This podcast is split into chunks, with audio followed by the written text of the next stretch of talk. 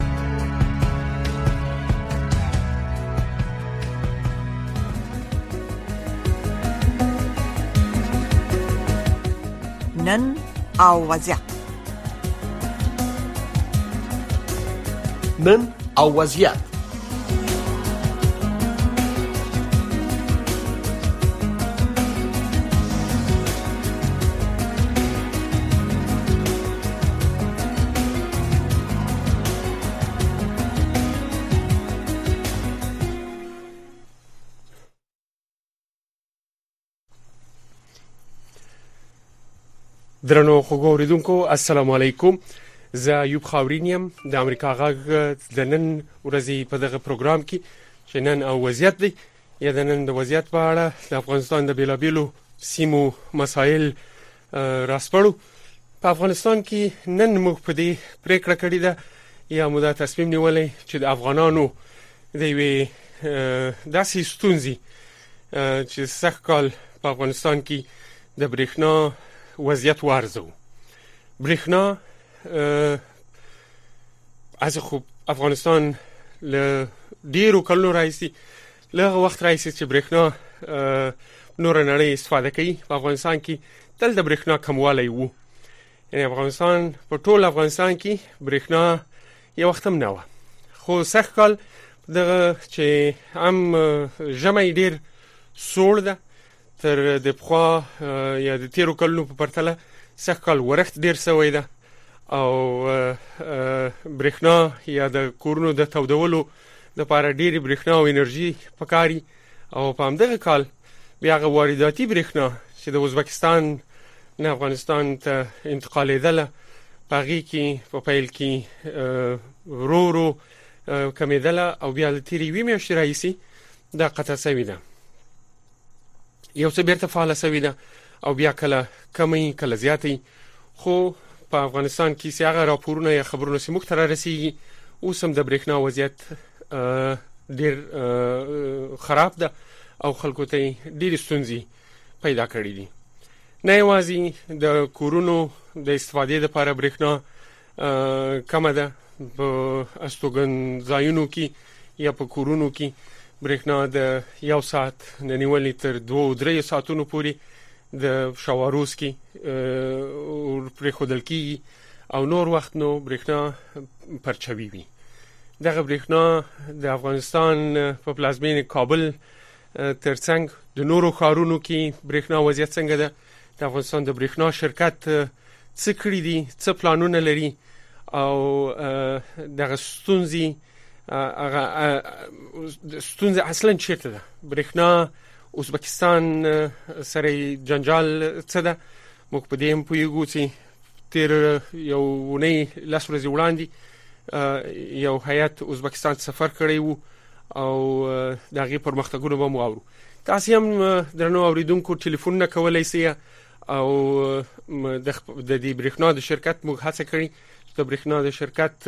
ویاند خغلې میوندی حکمت الله میوندی لمخ سره په خبرونه کې ملما ده چې موږ تاسو ته ټول ته حال راکړي د برښنا د وضعیت په اړه نو لکه څنګه چې ما وویل تاسو هم ټلیفون نه کولای شئ او زه به وګورم چې زموږ سره زموږ میلمه په را سره ده حکمت الله مایوندی صاحب خبرونه ته خره غلاست او تاسو تمن زاسي هڅه ومه چې په کابل کې یاستي برښنا د چرته ستاسو یاستي برښنا شته مهرباني سلام علیکم ورحمت الله وبرکاتو تر هر څه مخکې تاسو ته تاسو د رادیو اوریدونکو ته او د سټډیو همکارانو ته بیا هم السلام علیکم ورحمت الله وبرکاتو چې له دروغ جوړ او صحتمند اوسئ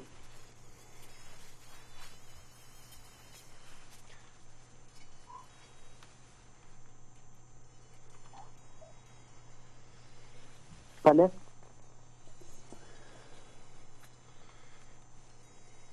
بله حکمت الله میوندی صاحب ډیره بخنه غواړم زه هڅه کوم چې تاسو غږ واورم دلته زه څه تخنیکی ستونزه لرم او خو تاسو غږ ما ونه ورید زه به د یو بل همکار څخه به زه مرسته وغواړم چې زموږ استاسي د ټلیفون کرخه سمسي نو خو په دې بخښنې سره چې زما هغه ده زما لخوا ستونزه ده اما په یو څو شیبو کې به دغه مشکل حل سي درنو اوریدونکو د برېښنا د شرکت ویاند خاغلی میوندي له موږ سره په کرښه ده او زه موږ ته اوس موږ غږ اوري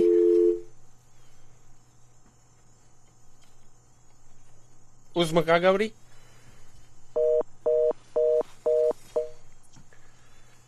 ښه زموږ غږ زموږ د میوندي صاحب ټلیفون قطع سو او زه بیا هم هڅه کوم چې په همدې ارتباط په همدې ارتباط د میوندي صاحب ته بیا ټلیفون وکړو او زموږ ساسي پښتنو ته د برښنا د وضعیت په اړه حال راکړي خو لکه څنګه چې مو مخکې وویل په افغانستان کې سږکال ژمی سوړ ده او د برېښنا وضعیت د تیرو کلونو په پرتله هغه وارداتي برېښنا چې افغانستان په همدې له تیرو څو کلونو راهیسي استفاده کوله نه یوازي نه یوازي عامو په کورونو کې بلکې په فابریکې او کارخانه هم د همدې برېښنا باندې چلیدلې د برېښ د کارخانو یا فابریکو لخوا هم دغه ګیله او جنجال د هغوی هم شته چې برېښنا هغه مرچی په کار ده هغومره نه ورسیږي پنځلس شپاړس ساعته به برېښنا وه اوس هغه میوندي صاحب زموږ غږ اوري بله و زما غږ راځي ډېره مننه بله و زه یې اورم میوندي صاحب ډېره مننه اوس زما او تا خبرې اورېدل کېږي او نو مهرباني وکړئ ما په پایل کې داسې یو پایل وکړ چې تاسو په زه داسې هڅوم چې په کابل کې یاستئ په کابل کې د نن د برښنا وضعیت څنګه ده تر هر څه مخکې تاسو ته د استودیو همکارانو ته او د رادیو اوریدونکو ته السلام علیکم ورحمت الله وبرکاتو هله د جوړو روغو صحتمند اوسئ ډېره زیاته مننه، د برېښنا د وضعیت په تړاو تاسې خپل نظر هم څرګند کړئ او پوښتنه مو هم وکړله. د پوښتنې په جواب کې باید زه داسې درته ووایم چې د برېښنا وضعیت اوس الحمدلله په افغانستان کې نورمال دی او موږ کوم تړونونه چې د ګاونډیو هېوادونو سره کړي دي، د هغوی څخه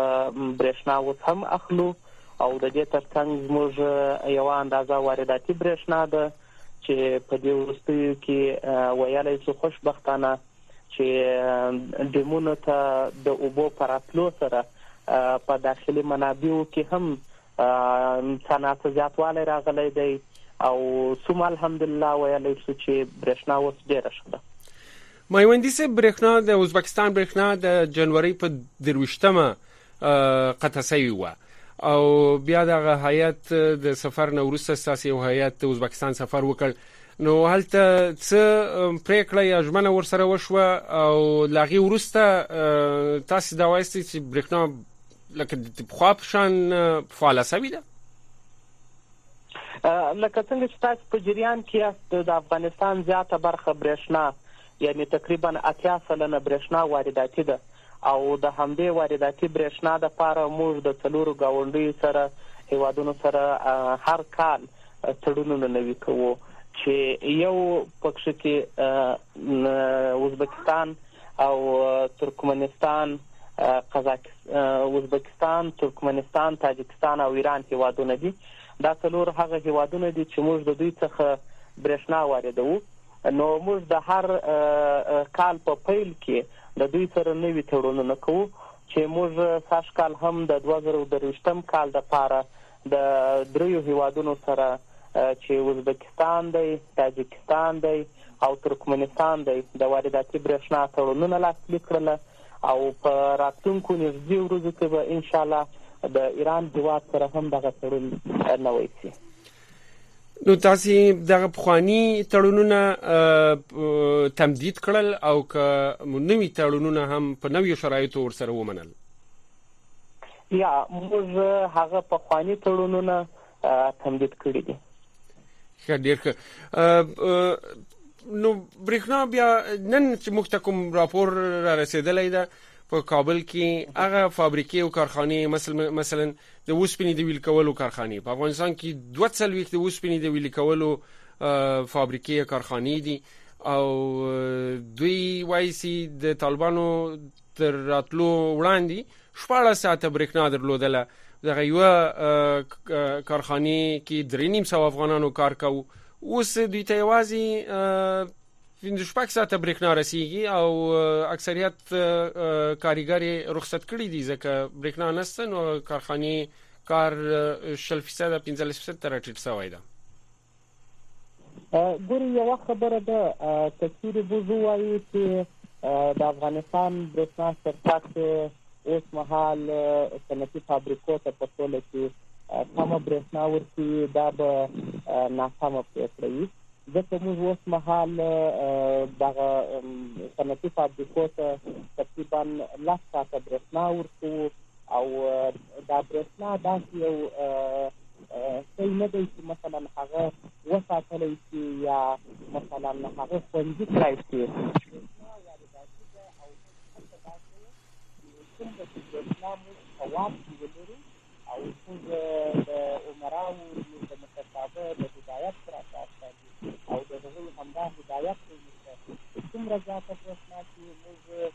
ایا صنعتکارانو څنګه کولای شي دا جرخه برابره وکړي ان په دې کې موږ په دغه تقام دوه کاله کې تاسو ستاسو که په یاد وي د ژمي څخه وړاندې هغه ورښتونه چې وسوله زموږ اکثریت ډیمونه ډک سوله او حتی موږ صنعتي فابریکو ته تر څلرویشت ساعته هم برېښنا ورکړه، یعنې دا د افغانستان په تاریخ کې یو ابتکار و، یو نوی کار و چې موږ وکولای شوای د څلرویشت ساعته صنعتکارانو ته برېښنا ورکړو، خو بیا هم موږ ټوله هڅه دا ده چې څونه موږ کولای شو زیاته برېښنا صنعتکارانو ته او صنعتي فابریکو ته برابره کړو، هغه ورته برابروو، هغه ورته ورکوو. حتی تاسې کولای شئ چې مطالعه وکړئ، معلومات وکړئ، موږ په تېر ژمي کې چې څه ناڅه د ستونزو سره مخ وو، خو پر هغه سربېره هم موږ د استوګنیزو ساحو برېښنا د ضرورت تر کچې راټیټه کړې وه، خو زیاته برېښنا مو بیا هم صنعتکارانو ته ورکوله. میوندي صاحب دوه دوه پوښتنې زه دوه پوښتنې زه درنه میوندي صاحب زه دوه پوښتنې درنه کوم او بیا د اوریدونکو پوښتنو ته پوښتنې هم راخلو یو دا موضوع ده چې په افغانستان کې څومره برېښنا موږ خپل داخلي تولید لرو او څومره د گاونډي هوادو څخه وارداتي لرو او دا دا ټول بریکنا سره غونډه کې زموږ څو فیصد اړتیاوي پوره کیږي او څو څومره نوري بریکنا ته اړتیا لرو ښه دا خو د موسمونو په پر مهال باندې توپیر کوي ښه کله تقاضا ډېرېږي او کله هم تقاضا په هغه اندازه نه وي، یعنې نورماله وي. بیا موږ د کله چې وضعیت نورمال وي، یعنې ډېره هوا ګرمه او ډېره سړه نه وي، موږ په هغه وختو کې تر د کابل د زون په سطحه چې درته ووایم، موږ تر اتیا، پنځه اتیا سلنه د برېښنا ضروریات رفع کولای شو. خو کله چې هوا ډېره ګرمه شي او یا هوا ډېره سړه شي، بیا په دغه وخت کې موږ د شپېته څخه تر پنځه شپېته یا تر اویا سلنه پورې د برېښنا ضروریات را په کولی شو او اتیا سلنه زموږ برېښنا چې ده وارداتي ده، شل سلنه باقي چې ده دا موږ داخلي منابع دي او تولیدي برېښنا ده. ډیر ښه یو پښتنه د مخو ځکه د خبرونو سره مو سروکارو د تیر شل کاله دغه د کجکی په بند باندې ډیر هغه کار کیږدو بیا به د طالبانو او د حکومت یا د نړیوالو ځواکونو ترمنځ د جګړو لامل هغه کار به ځنډېدلی وو بیا فکر کوم چې ساسي د حکومت راتلو وروسته هغه د کجکی په بند باندې بیا کار شروع شو اوس هغه د کجکی بند برېښنا توربینونه لګیدلې دي او برېښنا فعالیت برېښنا تولیدوي کوم ساحو ته یا کوم ولایتونو ته ورکړي لکه څنګه چې تاسو په جریان کې یاست د فتح څخه وروسته موږ په دې وتوانېدلو چې د کجکي برېښنا لومړی فاز ګټې اخیستنې ته وسپارو او دوهم فاز چې د بند لوړول دي او هغه باندې کار روان دی ان شاء الله العزیز تمه لرو چې د خیره سره په نږدې راتلونکو کې دوهم فاز هم بشپړ شي او د قرارداد مطابق چې څومره برېښنا باید د دغه بند څخه تولید شي، ان شاء الله هغه به هم هغه مرحلې ته هم ورسېږي او اوس مهال موږ د کندهار د زون په سطحه پنځه دېرش فیصده د برېښنا کوم ضروریات چې دي هغه او اړتیاوې چې دي هغه رفع کولای شو. ډېر ښه درنو اورېدونکو تاسې هم ټیلیفون کولای شئ له موږ سره د افغانستان د برېښنا شرکت ویاند ښاغلی میوندي میلمه ده حکمت الله میوندي صاحب لومړی اوریدونکی یا خو چې د کوم ځای څخه ټلیفون کړی د افغانستان د برېښنا په اړه څه خپل ستونزه او یا پوښتنه لري مهرباني وکړئ خبرونه ته خره غلاست د امریکا غږ سټوډیو ده مایکونه ستاسو په خدمت کې دي او د برېښنا په مشخصا د افغانستان کې د برېښنا د موضوع په اړه خپل پوښتنه مطرح کړئ مهرباني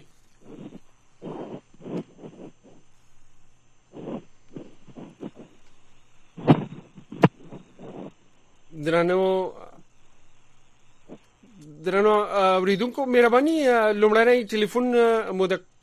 کوم ځای څخه چا ټلیفون کړی دا خپل نوم او ځای که خې استي او د افغانستان کې د برېښنا په اړه خپل پوښتنه وکړي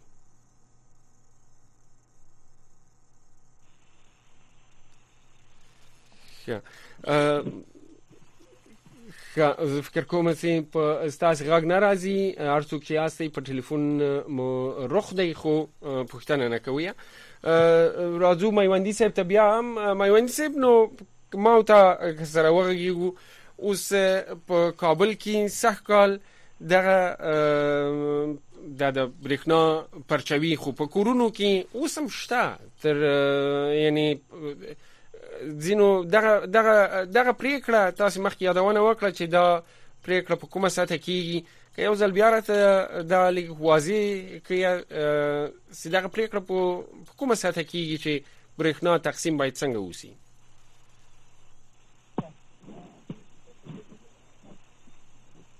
My Wendyse. Me... ښه ما بیرته به ما وندي صاحب تراسو هغه ټلیفون چې چارټ کړی وو قطع سو اما د ما وندي صاحب ټلیفون هم ګومان کومه رانه ولاړ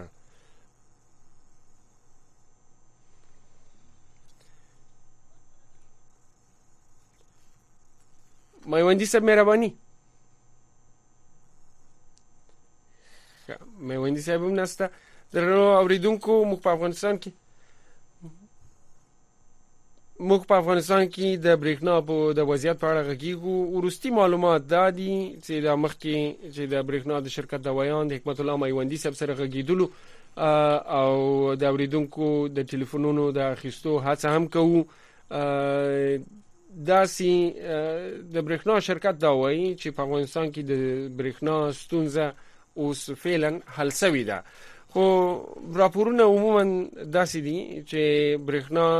پرچوي ډېره زیاته ده او کورونو ته یوازې د هر ماقام د یو دوه درې ساعتونو برېښنا ځینو سیمو کې سته او نوره برېښنا نسته د فابریکو سره هم چې موږ غږېدلی یو هغوی وایي چې د طالبانو د حکومت راتلو وړاندې دوی په شواروز کې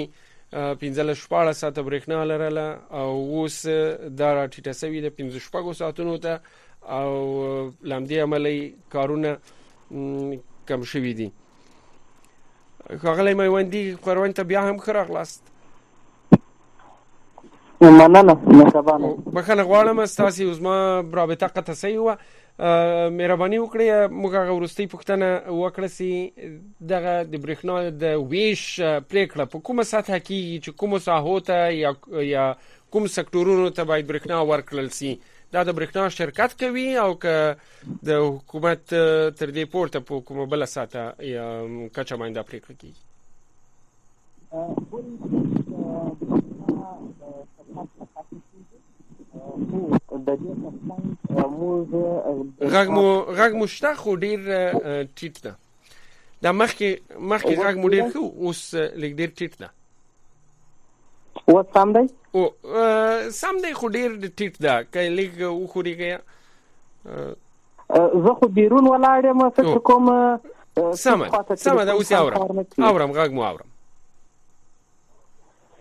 موږ برېښنا پر درې کټګورۍ باندې یا پر درو برخو ویشلې ده چې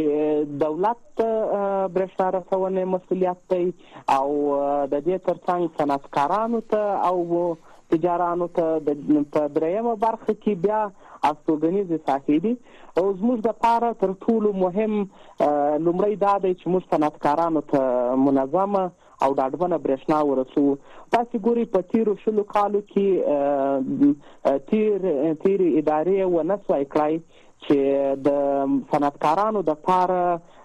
د دوی د برېښنا مزي ور مستقل کړي، حد اقل د هغوی د پاره که یو ساعت وي که دوه ساعته وي برېښنا یې ډاډمنه شي او صنعتکارانو لویه ستونزه او غټه ستونزه چې درلود له همدا وه چې دوی ویل موږ ته مهمه دا ده چې یو ساعت فرض مثال برښنا وي یا دوه ساعته وي خو ډاډمنه دې وي موږ دې په دې مطمئن اوسو چې پر دا اساس برښنا راځي او پر دا اساس راڅخه ځي موږ به خپل امکانات او خپل تدابیر ورته ولرو خو متاسفانه په تیرو شلو کالو کې په هغه امکاناتو په هغه پیسو باندې برښنا شرکت په دې نه وتوانېدلی چې دوی ته منظم او ډاډمنه برښنا برابره کړي خو د فتحې څخه راوروسته د افغانستان اسلامي امارات چې کله پر پلازمینه کابل باندې حاکم سو او د افغانستان ګوټ ګوټ فتح سو موږ په دې بریالي شولو چې د کابل کې د صنعتکارانو د ستونزې چې غیر منظمه برېښنا یې وه هغه ور منظمه کړو د بېلګې په ډول باندې زه تاسو ته یو موضوع ته اشاره کوم کله چې صنعتکارانو ته برېښنا ورکول کېدله په هغه مزي کې به استوګنیزې ساحې هم وي کله چې به په یوه استوګنیزه ساحه کې برېښنا شارتي وکړله یا به کومه ستونزه ورته را ایجاد سوله نو د صنعتکارانو برېښنا به هم پرې سوه خو موږ په دغه موده کې یعنی د فتح څخه تر نن پورې موږ په دې بریالي شولو چې د دغه ستونزې ته د پای ټکی کښېږدو د صنعتکارانو مزی ور مستقل کو او یوازې او یوازې په دغه مزی کې صنعتکارانو ته برېښنا ورکو چې دا زموږ لپاره یوه لویه لاسته راوړنه وه چې موږ په هغه خپلو لومړنیو امکاناتو چې په لاس کې مو لرله هغه باندې مو وکولای شي میوندي صاحب دا اوس په دې موجوده برېښنا کې ټوله برېښنا چې د افغانستان خصوصا په دې پلازمینې خبره کوو څومره برېښنا څو میگاواټه صنعتي پارکونو ته یا صنعتکارانو ته ورکوي او څومره د کورنیو د اړتیاو د پوره کېدو لپاره استفاده کیږي زه به تاسو ته په ساعتونو باندې ووایم چې موږ دوی ته تقریبا تر د نوه څخه تر لسو ساعتونو پورې صنعتکارانو ته برېښنا ورکوو او کمه اندازه برېښنا بیا چې د تقریبا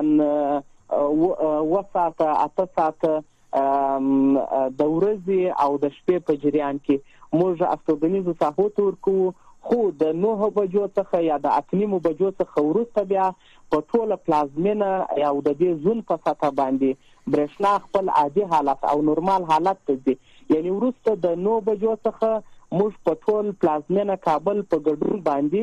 د ولایاتو په شمول باندې تر سهار لمانځه پورې او موږ نورماله برېښنا لرو یعنی په یو اندازه باندې ټول ولایات چالانه وي خو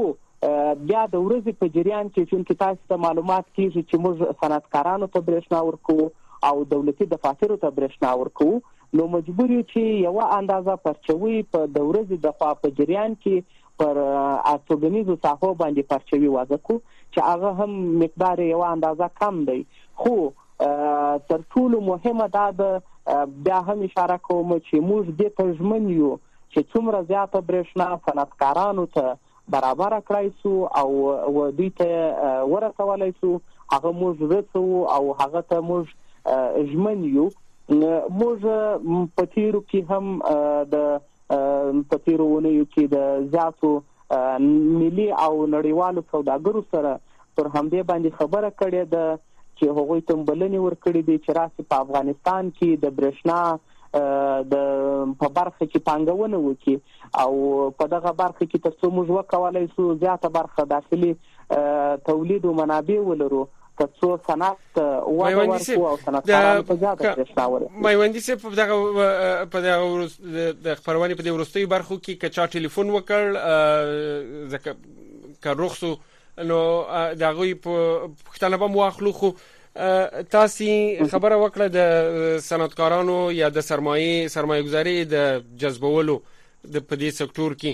په دغه تاسو په خپل لومړی ورځو کې ځینې لستونه خبر کړل چې د برېښنا بلونه یا د برېښنا شرکت قرضداران ول دغه قرضدارانو څخه بیا وروسته یو بل اعلان هم وکړ چې کچا خپل پور پرې نه کړ یا دغه بلونه یې تعویل نه کړل نو د دوی جایدادونه یا سرمایه به برښنا شرکت تصرف کی اوسم قرضداران پاتې دي بخانی او کوم پیسې د هغه ټولو خلکو څخه واخستي